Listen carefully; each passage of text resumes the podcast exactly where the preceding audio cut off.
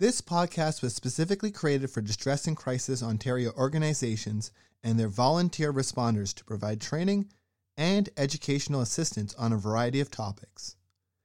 As information evolves and changes, these podcasts are meant to offer ongoing support with the goal of updating them on an ongoing basis. We thank the volunteer responders and the contributors to this podcast. Please visit our website, dcontario.org, for more information and how to access free mental health services. Thank you.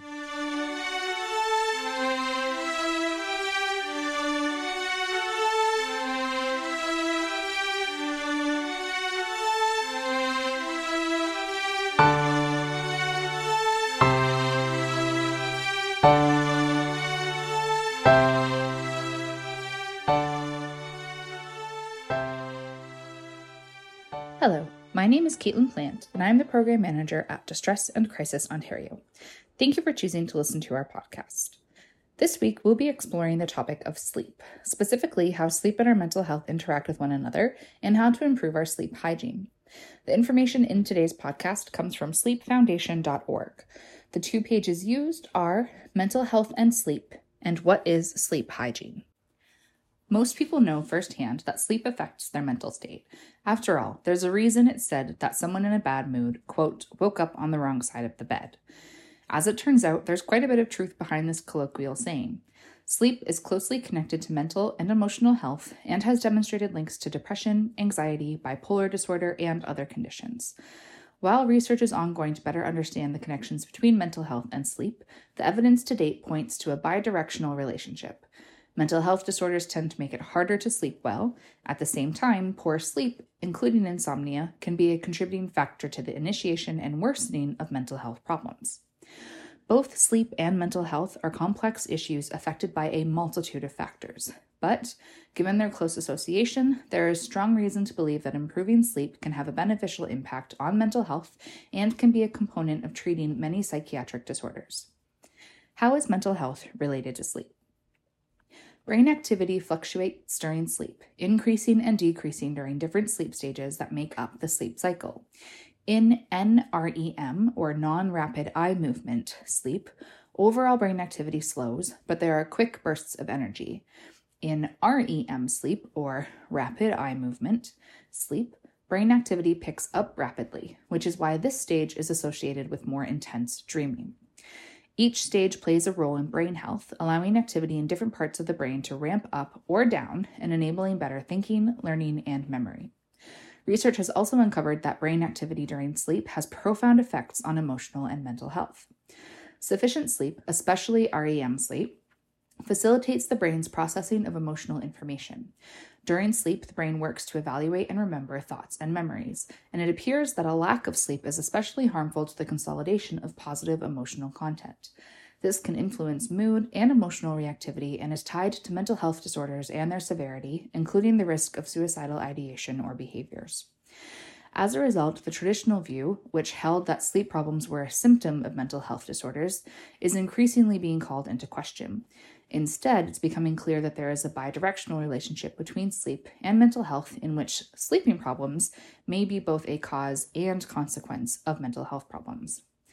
Obstructive sleep apnea, or OSA, is another aspect of sleep that has been linked to mental health.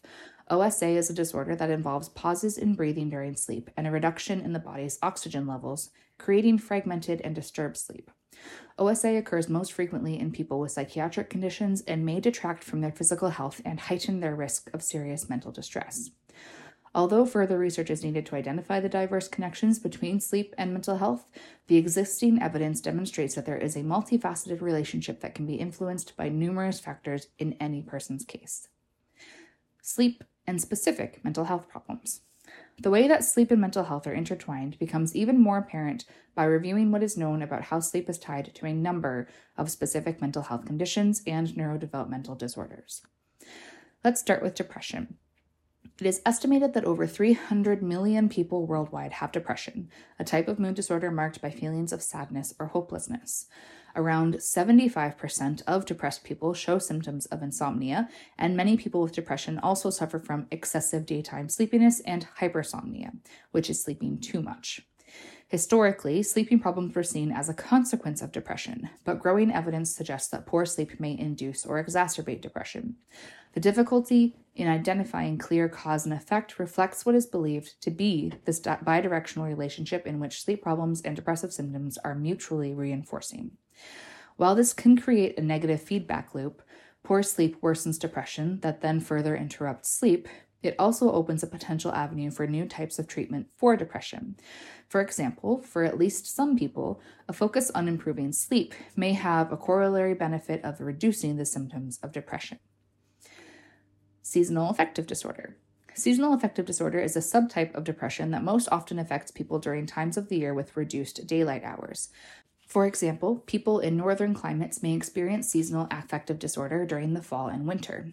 This condition is closely tied to the disruption of person's internal biological clock or circadian rhythm that helps control multiple bodily processes, including sleep. Not surprisingly, then, people with seasonal affective disorder tend to sleep too much or too little or experience changes to their sleep cycles. People with anxiety disorders. Every year, anxiety disorders in America affect an estimated 20% of adults and 25% of teenagers. These disorders create excess fear or worry that can affect everyday life and create risks for health problems, including heart disease and diabetes.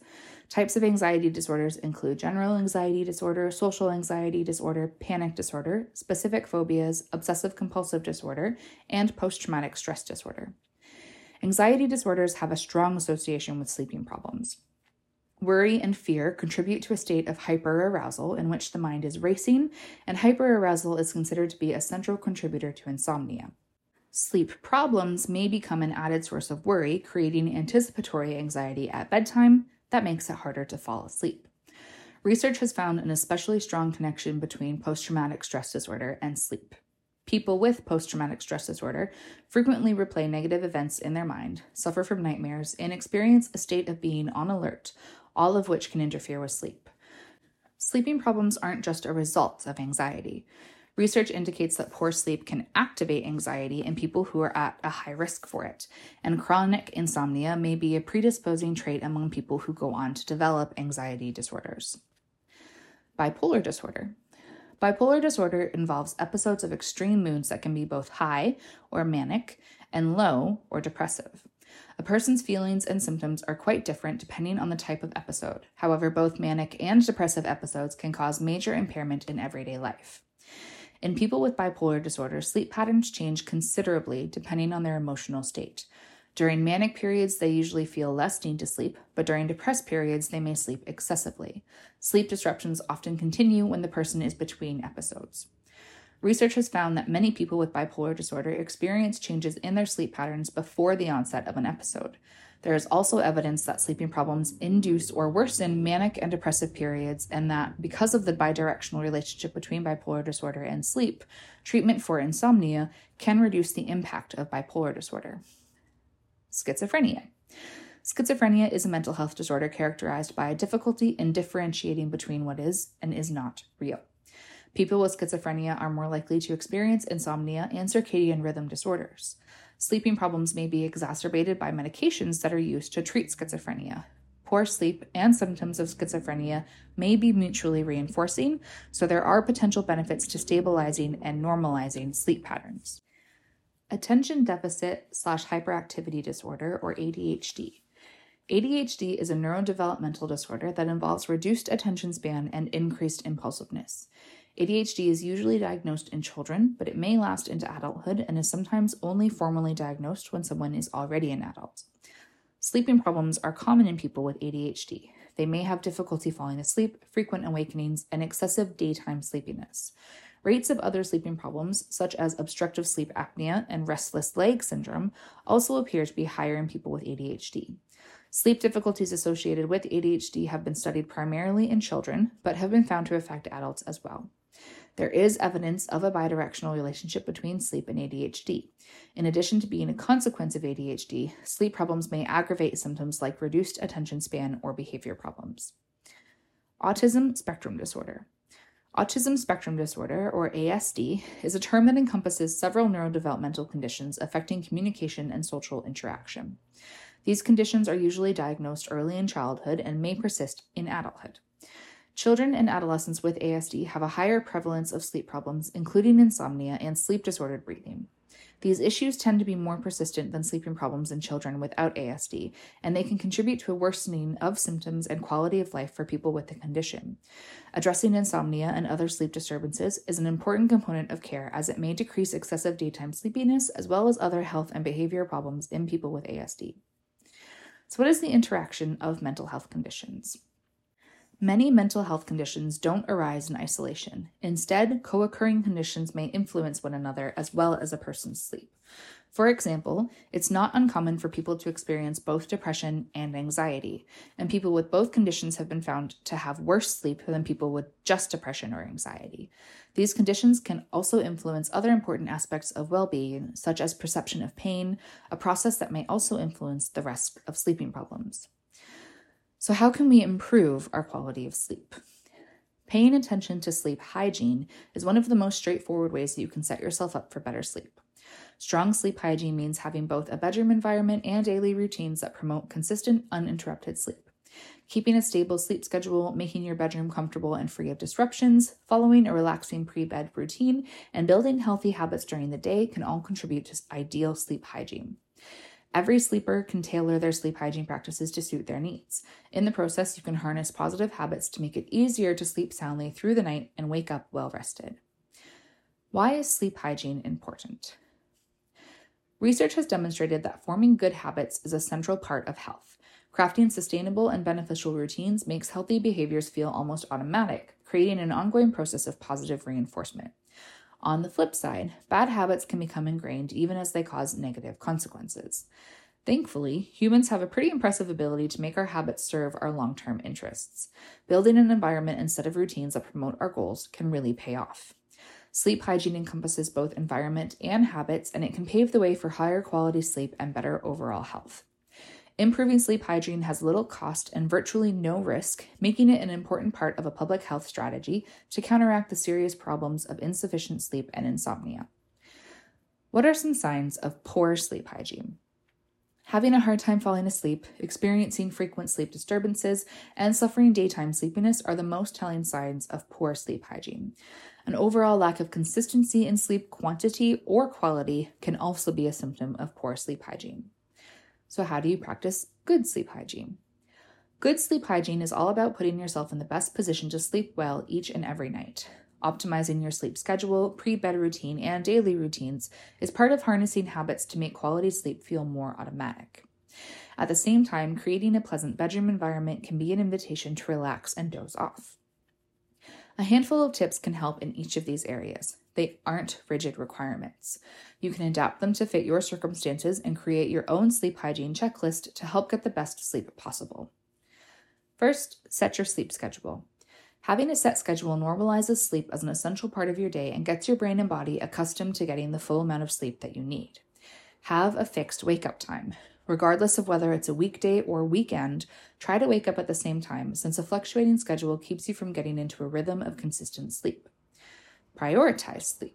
It might be tempting to skip sleep in order to work, study, socialize, or exercise, but it's vital to treat sleep as a priority. Calculate a target bedtime based on your fixed wake up time and do your best to be ready for bed around that time each night. Make gradual adjustments. If you want to shift your sleep times, don't try to do it all in one fell swoop because that can throw your schedule out of whack. Instead, make small step by step adjustments of up to an hour or two so that you can get adjusted and settle into a new schedule. Don't overdo it with naps. Naps can be a handy way to regain energy during the day, but they can throw off sleep at night. To avoid this, try to keep naps relatively short and limited to the early afternoon. Follow a nightly routine. How you prepare for bed can determine how easily you'll be able to fall asleep. A pre sleep playbook, including some of these tips, can put you at ease and make it easier to fall asleep when you want to. Keep your routine consistent. Following the same steps each night, including things like putting on your pajamas and brushing your teeth, can reinforce in your mind that it's bedtime. Budget 30 minutes for winding down. Take advantage of whatever puts you in a state of calm, such as soft music, light stretching, reading, and or relaxation exercises. Dim your lights. Try to keep away from bright lights because they can hinder the production of melatonin, a hormone that the body creates to fall asleep. Unplug from electronics. Build in 30 to 60 minute pre bed buffer time that is device free. Cell phones, tablets, and laptops cause mental stimulation that is hard to shut off and also generate blue light that may decrease melatonin production. Test methods of relaxation. Instead of making falling asleep your goal, it's often easier to focus on relaxation. Meditation, mindfulness, paced breathing, and other relaxation techniques can put you in the right mindset for bed. Don't toss and turn. It helps to have a healthy mental connection between being in bed and actually being asleep. For that reason, if after 20 minutes you haven't gotten to sleep, get up and stretch, read, or do something else calming in low light before trying to fall asleep again. Cultivate healthy daily habits. It's not just bedtime habits that play a part in getting good sleep. Incorporating positive routines during the day can support your circadian rhythm and sleep and limit sleep disruptions. Get daylight exposure. Light, especially sunlight, is one of the key drivers of circadian rhythms that can encourage quality sleep. Be physically active. Regular exercise can make it easier to sleep at night and also delivers a host of other health benefits. Don't smoke. Nicotine stimulates the body in ways that disrupt sleep, which helps explain why smoking is correlated with numerous sleeping problems. Reduce alcohol consumption. Alcohol may make it easier to fall asleep, but the effects wear off, disrupting sleep later in the night. As a result, it's best to moderate alcohol consumption and avoid it later in the evening. Cut down on caffeine in the afternoon and evening. Because it's a stimulant, caffeine can keep you wired even when you want to rest, so try to avoid it later in the day. Also, be aware if you're consuming lots of caffeine to try to make up for lack of sleep. Don't dine late. Eating dinner late, especially if it's a big, heavy, or spicy meal, can mean you're still digesting when it's time for bed. In general, any food or snacks before bed should be on the lighter side. Restrict in bed activity. To build a link in your mind between sleep and being in bed, it's best to only use your bed for sleep, with being intimate being the one exception. Optimize your bedroom. A central component of sleep hygiene beyond just habits is your sleep environment. To fall asleep more easily, you want your bedroom to emanate tranquility. While what makes a bedroom inviting can vary from one person to the next, these tips may help make it calm and free of disruptions. Have a comfortable mattress and pillow. Your sleeping surface is critical to comfort and pain free sleep, so choose the best mattress and best pillow for your needs wisely. Use excellent bedding. The sheets and blankets are the first thing you touch when you get into bed, so it's beneficial to make sure they match your needs and preferences. Set a cool yet comfortable temperature. Fine tune your bedroom temperature to suit your preferences, but err on the cooler side. Block out light. Use heavy curtains or an eye mask to prevent light from interrupting your sleep. Drown out noise. Earplugs can stop noise from keeping you awake, and if you don't find them comfortable, you can try a white noise machine or even a fan to drown out bothersome sounds. Try calming scents. Light smells, such as lavender, may induce a calmer state of mind and help cultivate a positive space for sleep. Is sleep hygiene the same for everyone? The basic concept of sleep hygiene, that your environment and habits can be optimized for better sleep, applies to just about everyone, but what ideal sleep hygiene looks like can vary based on the person. For that reason, it's worth testing out different adjustments to find out what helps your sleep the most. You don't have to change everything at once. Small steps can move you towards better sleep hygiene. It's important to know that improving sleep hygiene won't always resolve sleeping problems. People who have serious insomnia or sleep disorders, like obstructive sleep apnea, may benefit from better sleep hygiene, but other treatments are usually necessary as well. In other words, even though it may be beneficial, sleep hygiene alone isn't always a cure. If you have long lasting or severe sleeping problems or daytime sleepiness, it's best to talk with a medical professional who can recommend the most appropriate course of treatment. Thank you for listening to this episode. I hope the information shared helps you improve your sleep if you've been struggling lately. As always, our member centers and ONTX are here to support you with any challenges you're facing or anything you need advice on. You can find your nearest center, many of whom operate 24 7, by visiting our website at www.dcontario.org forward slash locations, and ONTX's online chat feature can be accessed from any page of our website by using the Looking for Support sidebar. ONTX is available from 2 p.m. to 2 a.m. Eastern Standard Time daily and can also be accessed by texting the word support to 258 258. If you have any feedback on today's episode or would like to request future content, please use the link in the show notes to fill out our feedback form. We would love to hear from you. Thank you again for listening. I hope you have a great week and join us again next time.